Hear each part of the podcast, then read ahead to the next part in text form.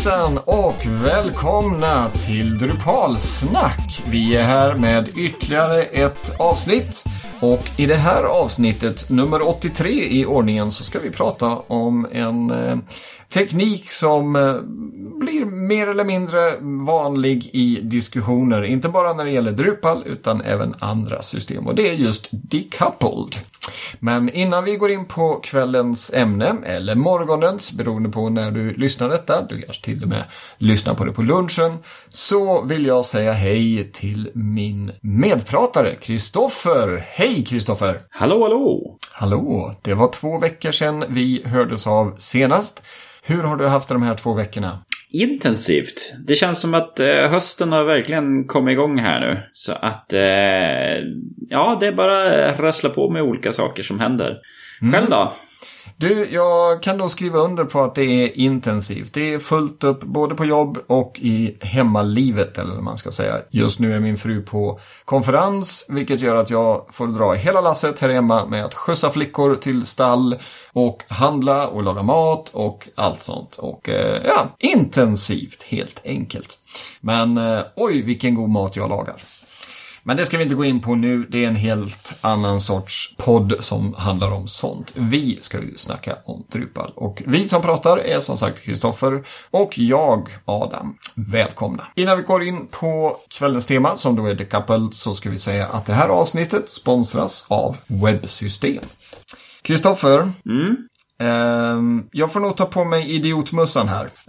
Um, jag, um, jag har aldrig pysslat med decoupled. Eh, vare sig med webben eller med Drupal. Eller så har jag det. Eh, men jag, jag skulle inte på ett övertygande sätt kunna förklara för någon vad decoupled innebär eller vad det egentligen är för något. Eh, om vi kliver in på första våningen på ett, eh, ett höghus här och sätter oss i hissen. Nej, vi ställer oss i hissen. Och så ska du få hela den hissturen på dig och förklara vad decoupled är. Eh, det är en sån här elevator pitch. Hur skulle du förklara det? Ja, jag skulle nog säga som så att decoupled Drupal innebär att man rycker bort frontend-delen från Drupal och låter något annat framework få rendera upp frontend-delen, alltså klientdelen. Och sen låter man Drupal bara vara ett API-framework som den frontend-klientdelen pratar mot.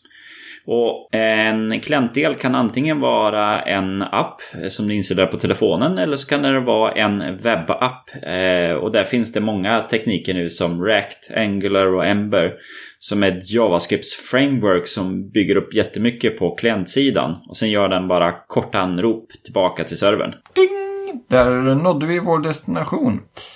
Eh, jag tyckte det var en jättebra elevator pitch. Eh, du fick ihop det på ett väldigt enkelt och förklarande sätt. Eh, bara för, för att, att vad heter det här, inte, inte finslipa utan förtydliga eh, var ordet som jag var ute efter. Eh, klientdelen, mm. eh, vi pratar inte bara då det som besökarna ser, alltså temat, frontend-biten, utan det är även, eller kanske bara, redaktörs-admin-delen. Det behöver inte vara det. Ehm, det finns olika nivåer utav decoupled. Mm. Um, till viss del så kan det bara vara den slutanvändarens del och sen har du admin-interfacet och editorernas uh, vy är fortfarande plain Drupal. Okej, okay. så man kan välja både och eller bara ett utav dem? Ja, det kan man göra. Mm. Kan man, eh, nu, nu ställer jag dumma frågor här. Eh, kan man använda olika sorts tekniker för admin-delen och kontra frontend-delen? Jo, jo, men det kan man ju göra. Eh, då blir ju servern eller Drupal blir ju bara ett API-framework som man ställer frågor emot. Mm. Alright, ja, då, har vi, då, då har jag blottat mig här och så har vi fått svar på kanske de de viktigaste frågorna. Typ vad det är för något. Men eh, vi ska ju inte nöja oss med det, eller hur? Utan vi ska ju glutta lite mer på det och diskutera vad man kan göra och hur man kan göra det. Ja, och jag kan ju faktiskt eh, tipsa då lite grann också om en föreläsning som jag var på i Drupal Europe i eh, Darmstadt. Mm. Det var här, vad heter han? Eh, Michael Schmid. Jo, Michael, mm. Michael Schmid. CTO MSI.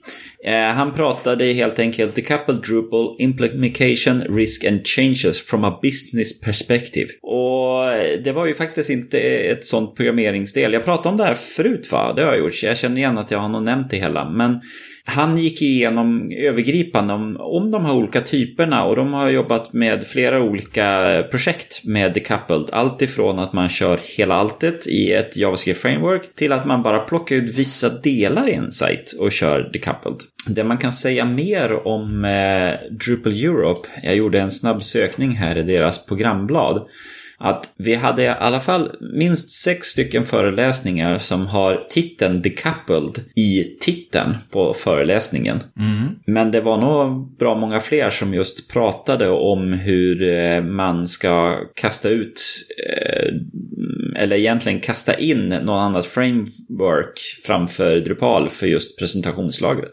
Mm. Ehm, jag tänker tillbaks eh, på tiden i Darmstadt och, och då tänker jag framförallt på Dries. Och hans Dries Note, alltså hans Keynote, um, första, eller förlåt, andra dagen var det ju faktiskt, mm. eh, Drupal Europe. Han visar ju, han har ju för vana att alltid visa vad som är på gång när det kommer till Drupal och framöver och så. Och en av bitarna som man gick in på det är ju ett initiativ där man håller på att förbättra admin-gränssnittet och då använder man React. Mm.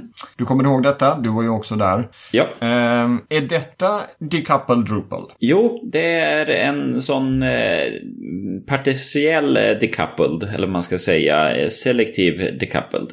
Mm. Eh, där man då just tar vissa delar i gränssnittet och lägger på då React och låter... Eh, man lyfter över ganska mycket logik på klientsidan för rendering och sedan så eh, använder man Drupals API-del som då den här frontend-komponenten pratar mot så pratar den bara JSON blobbar fram och tillbaka. Mm.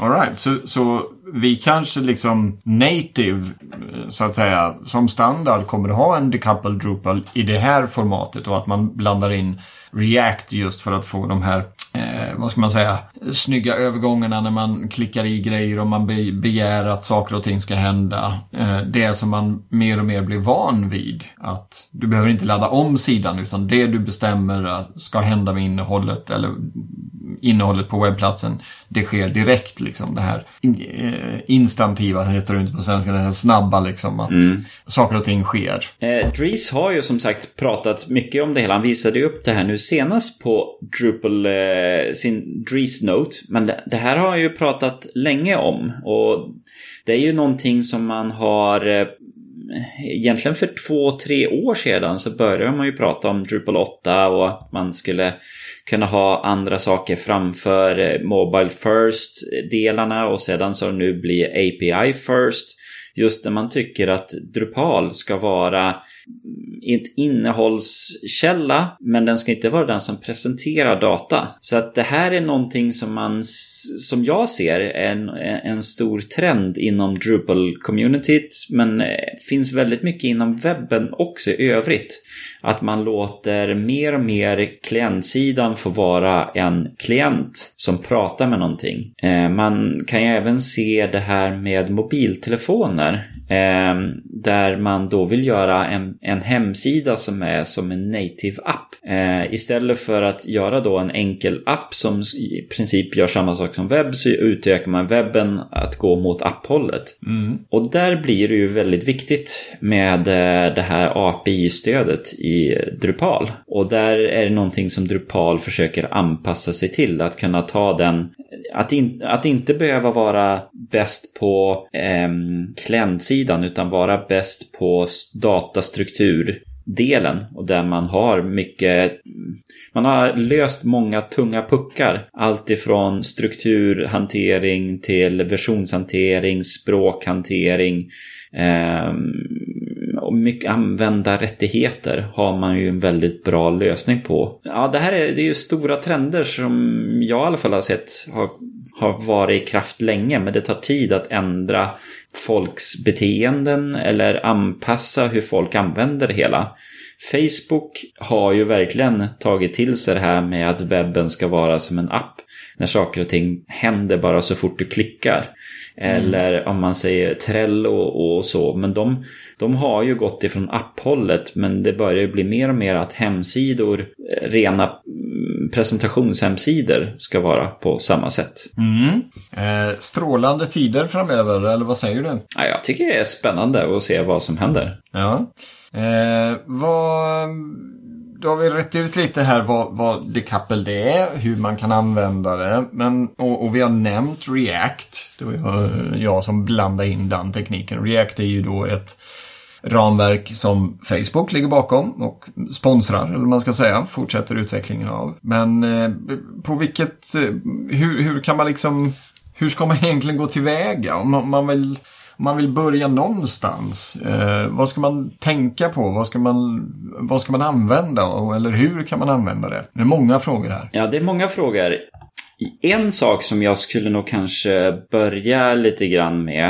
Eh, det finns en distribution som heter Contenta. Eh, den handlar, det är ju en, eh, en variant av D8 som är byggd för att kunna exponera ut datan API-vänligt. Och sen har de visat hur lite olika sådana här frontend-delar eh, kan prata med eh, kontenta Contenta och, och läsa ut data. Ehm, så det, det, är en del hur du ska bygga upp Drupal 8 för att hantera den delen. Sen så har man nästa del, det är att lära sig en frontends-stack då. Och det där eh, är ju en helt annan inlärningskurva än Drupal. Ehm, vi har själv i webbsystem börjat titta på React och, och, jag har läst en hel del om det hela och deras tutorial. Och någonstans så måste man ju som webbutvecklare lämna den här tanken att jag renderar en HTML-sida och sen har jag gjort det. Och sen när man klickar på den här länken så ska den här HTML renderas. Mm. I React så jobbar man med komponenter och man lägger på actions att ändras det här, då ska det här också ändras. Eller det här statet ska göras. Och, eh, det som är just med, med React men också andra, Angular och, och Ember har ju att det här domträdet då som finns för att bygga upp en hemsida, det har de ju som tagit över kontrollen över. Och man, man jobbar ju som i olika komponenter och, och saker och ting händer under ytan som uppdaterar och, och klasser och styling sker beroende på ramverk på lite annorlunda sätt. Att lära sig frontend-delen i Decoupled, det är ett helt annat spår som egentligen inte är Drupal. Utan det kan vilken annan webbutvecklare som helst börja göra. Eh, och det var väl det lite grann den här föreläsningen jag var och lyssnade på. Han pratade om det hela. Att ja, nej men helt plötsligt nu så kan vi ju låta Drupal-utvecklarna få jobba bara med Drupal-backenden. Och sedan så kan man ha annat folk som jobbar med frontend, med React. Och att hitta JavaScript-utvecklare just nu är, är, inte jättesvårt för det finns ganska många på universitet studenter som lär sig JavaScript och det, det är lätt att komma igång och det, det ser du kan få upp ganska mycket saker. Så att mm. det kan vara enklare att hitta Rect-utvecklare än vad det kan vara att hitta Drupal-utvecklare. Mm. Eh, och det är ju kanske bra på ett sätt. Ja, för att de här frameworken kommer ju behöva något backend. Och Drupal är ju oslagbar i hur, hur bra den kan hantera just data och datastrukturer. Hur snabbt man kan komma igång och modellera datan efter hur verkligheten är uppställd på. Inte att man är fastlåst i någon fast eh, spikad struktur från något CMS utan man bygger ju strukturen efter verkligheten. Mm. Eh, en följdfråga på det. Är det. Behöver man på något sätt anpassa eh, sitt vad ska man säga, strukturella arbete när man, när man bygger upp nodtyper eller innehållstyper i Drupal till vilket ramverk man väljer att använda? Eller kan man liksom köra på som vanligt i Drupal och bygga upp sina innehållstyper så som man brukar göra eller som man vill göra? Jag tycker nog att man ska göra som man brukar göra. Att egentligen jag bygger min content type efter hur verkligheten beskriver sitt problem. Mm. Att har jag då här en, en, ett faktureringssystem så har vi ju ett koncept som heter faktura. Ja, men då ska vi ha en nod som heter faktura. I fakturorna har vi rader. Ja, men då kanske det ska vara field collections eller något sånt där. Så där, där att bygga upp sån struktur, då får man ju tänka väldigt mycket ja, men hydropal och hur verkligheten angriper problemet och hitta rätt vokabulär på nodtyper och sånt och fält. Däremot, det som blir lite krångligt, det är ju när man har sådana här presentationssidor eh, där man vill göra tuffa, läckra flöden. Det ska komma in boxar från höger och vänster och poppa upp och, och parallaxfunktioner och sånt. Då måste man nog börja från, eh, från frontend-sidan och se hur de, hur de vill presentera datan som. Eh, för där i, i Drupal så har ju vi, det finns ju en trend åt att man, man bygger allting med paragraphs. Och att man gör som en, en single site och så drar man in en paragraf för den här delen och så drar man in en paragraf för den här. Och sen så har man strukturerat upp sin site med paragraphs. Och det är inte säkert att React kan läsa det rakt utav. Eller så gör man React-komponenter som en komponent för varje paragraph-typ. Då. Eh, Så så kan man ju bygga upp också. Eh, Men då är det inte säkert att man lär sig hur React ska presentera sidan. För då börjar man, då börjar man tänka i, i Drupalism. Så här bygger Drupal, renderar den upp sitt innehåll. Ja, ja. Och, och, så att jag skulle nog säga att börjar man med ett sånt JavaScript framework så ska man nog lära sig den utan Drupal från början. Mm. Och sen anpassa det till, eh, till Drupal så att säga. Ja, Mm. Ja, intressant. och där kan jag ju också säga det här med hur får man då ut data ur Drupal. Eh, och där finns det två sätt att få ut data ur Drupal 8. Eh, dels finns det en modul i Core med eh, viss extra moduler som är JSON API. Det handlar om att kunna få ut helt enkelt data där du definierar upp så här ska min data se ut och leverera JSON-lister utav datan. Eh, till exempel, jag vill ha noderna och de ska se ut så här och sen så gör jag en vy, en JSON-vy-aktigt och, och returnerar ut det hela. Där finns också med JSON API, det är inte bara vyer utan det går ju att köra då eh, vad heter det? REST API helt enkelt mot Drupal. Där man då frågar med get the post hämta det här objektet och så får jag tillbaka det objektet. Spara det här objektet, köra en, en put eller post och sen sparas det hela. Ehm, och då jobbar man med JSON och det är väldigt mycket allt eller inget. Du, du, du får hela objektet med alla dess fält. Eller så fick du ingenting alls ungefär. Eller så får man göra något custom själv per innehåll. Så det är ju ett sätt som eh, fungerar i många lägen. Sen den, the new kid in the block som, eh, som börjar komma, det är ju någonting som heter GraphQL. Mm.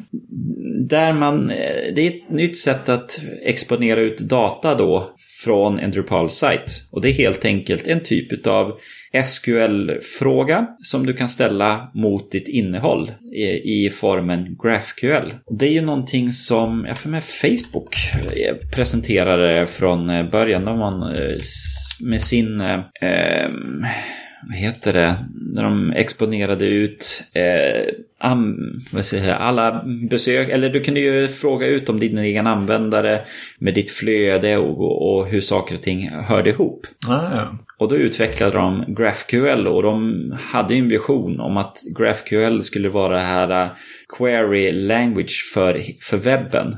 Där som man frågar det man behöver ha utav data. Man får inte all data utan du säger den här fälten vill jag ha och det här vill jag ha. Så det är någonting som också finns moduler till Drupal 8 för GraphQL. Och då kan helt enkelt REST säga det att ja men hämta mig alla noder, inkludera titel och post date.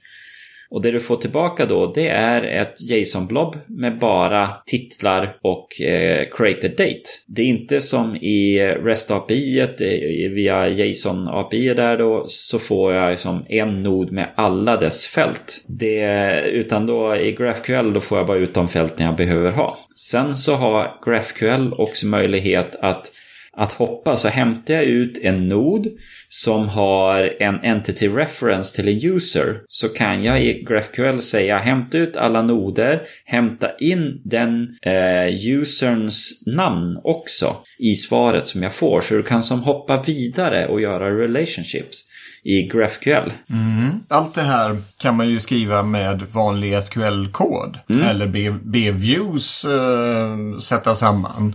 Vad, vad, är egentligen skillnaden mellan GraphQL och, och, SQL? Är det ett bättre sätt att skriva eller är det enklare eller snabbare? Ja, framförallt är det väl just det här med i GraphQL så kan du som hoppa vidare med relationer. I SQL mm. så då måste du veta hur databasstrukturen och joina nycklar hit och dit. Man, ja. man gömmer som bort det lagret. Ja, Okej, okay. så lite enklare helt enkelt. Lite enklare. Sen så kan man ju som du säger, man kan göra en view och säga den här datan ska ha ut. Det man gör då däremot då, det är ju att front-end-utvecklarna som bygger typ i React, de måste ju då definiera upp den här datan vill jag ha och så ska de skicka över den datan till backend-utvecklarna som ska bygga den där vyn och sedan ska de eh, exponera ut den och säga men här har du datan. Och sedan Sen så kommer React-utvecklaren, ja men vi vill ha in det här fältet också. Ja men då uppdaterar jag vyn då, ja men det kan du göra. Men sen så, nej men jag vill ha kvar den förra frågan, för där listar jag ju bara en, en kort teaser i menyn på vänster sida. Men sen vill jag ha hela listan när jag listar det här borta.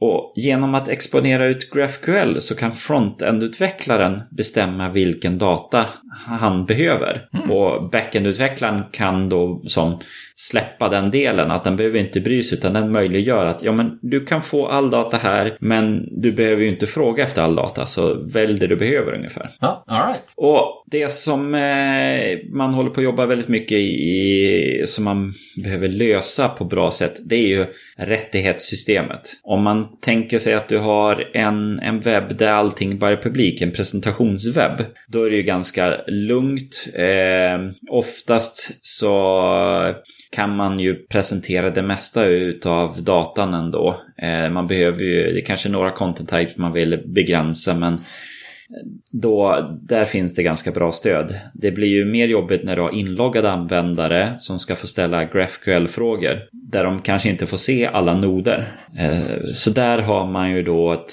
ett permission-system som filtrerar vad GraphQL får leverera och så. Och det, vad jag har sett så fungerar det, men samtidigt är det mycket logik så att man får ju testa igenom saker och ting så man inte öppnar upp sin interna sitt intranät för hela webben och bara mina ut med GraphQL. Det är bra att komma ihåg helt enkelt. Mm. Spännande tider. Eh, GraphQL kommer jag ihåg att de förevisade när, jag tror faktiskt det var när Drupalotta eh, släpptes. Att, och, och Dries sa att det här var ju någonting som vi hade velat ha med i, i Core från början egentligen. Så att eh, det är kul att det här kommer igen lite senare. Mm. Och jag kan ju bara säga det lite kort att jag var ju på någon, vi hade en sån lokal meetups eh, med eh, olika hobbyutvecklare och så. Och då var det en kille som var helt inne på React och React Native. Där man just bygger appar via React-kod. Och sen så var han så stolt att visa upp att GraphQL och här kan man fråga mot någon annan sån här databastjänst. Och så började jag googla så bara, ja, ja men jag kan ju exponera ut min eh, Drupal-data via GraphQL. Ja men då kan ju du bygga en app mot min data. Eh, mm. Så att det här med GraphQL och, och REST API, det är ingenting som Drupal har kommit på själv, utan det är ju stora webb-communityt som tycker att det här är tufft. Mm. Och, då, och då är det kul att se att Drupal är på det spåret och, och ligger ändå bra till i den utvecklingen. Precis. Och det är väl egentligen det vi kan förvänta oss av Drupal, eller hur? Att vi är med. Vi är coola, vi är häftiga. Ja. Mm. Vi, eh, vi börjar närma oss eh, slutet på vår lilla pratstund här som idag har handlat om decoupled. Ehm, är det något som du tycker att vi måste ta upp innan vi rundar av? Eh, eller har vi gett en, en bra grund här för förståelse för och eh, kanske har väckt nyfikenheten kring Drupal och Decoupled? Nej, men jag tycker nog vi har täckt in det mesta. Eh, bara en sån trendspaning som jag har sett. För något år sedan så undrar man ju vilket eh, fronten man skulle jobba med. Eh, Angular, Ember och React var ju de tre stora som Drupal höll på att fundera mellan. Vad man har sett nu på Drupal Europe är ju React som har vunnit den. I princip alla pratar om React.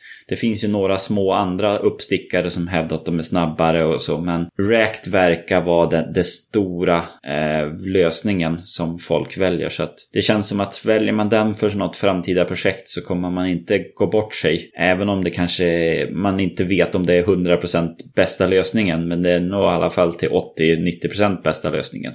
Och det är ju det, det, är ju svårt att komma undan med en så stor aktör som Facebook bakom det programspråket, eller det ramverket rättare sagt. Eh, så var det väl nästan medvetet att det kommer att hända någonting. Och eh, som du säger att väljer man React så har man kanske större chans att hitta folk som kan det, som är intresserade av det. Eh, istället för att man väljer ett mindre som om ett par år kanske är helt utslaget.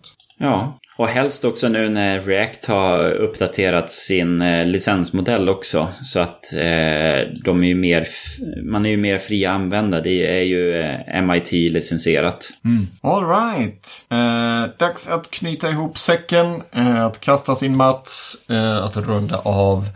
Tack så jättemycket Kristoffer för den här genomgången. Eh, nu kan jag ta mig eh, idiotmössan. Eh, nu vet jag lite mer om Decoupled. Eh, och eh, det ska bli intressant att eh, ta med mig den här kunskapen in i framtida projekt. Mm. Vi ska avsluta här med att säga att det finns ju många sätt att hitta oss på nätet, Drupalsnack. Ni kan signa upp er på vårt nyhetsbrev så får ni en lite pling i lådan när det kommer nya avsnitt. Vi har också ett RSS-flöde. Eh, och naturligtvis så finns vi ju då på drupalsnack.se och RSS-flödet och nyhetsbrevet kan ni teckna upp er och hitta mer information om på just drupalsnack.se. Eh, men vi finns också på Twitter så att eh, om inget annat så kan ni följa oss där så kommer det ett litet inlägg när det är nya avsnitt och nya eftersnacksinspelningar som släpps. Och eh, med det så ska vi återigen säga tack till Webbsystem som sponsrar den här poddinspelningen. Och eh, för er som vill lyssna mer på mig och Kristoffer så har vi ju vårt eftersnack som ligger som ett eget avsnitt. Men eh, med det så har vi nått vägs ände och jag och Kristoffer säger tack för oss och för den här gången. Hej då! Hej då!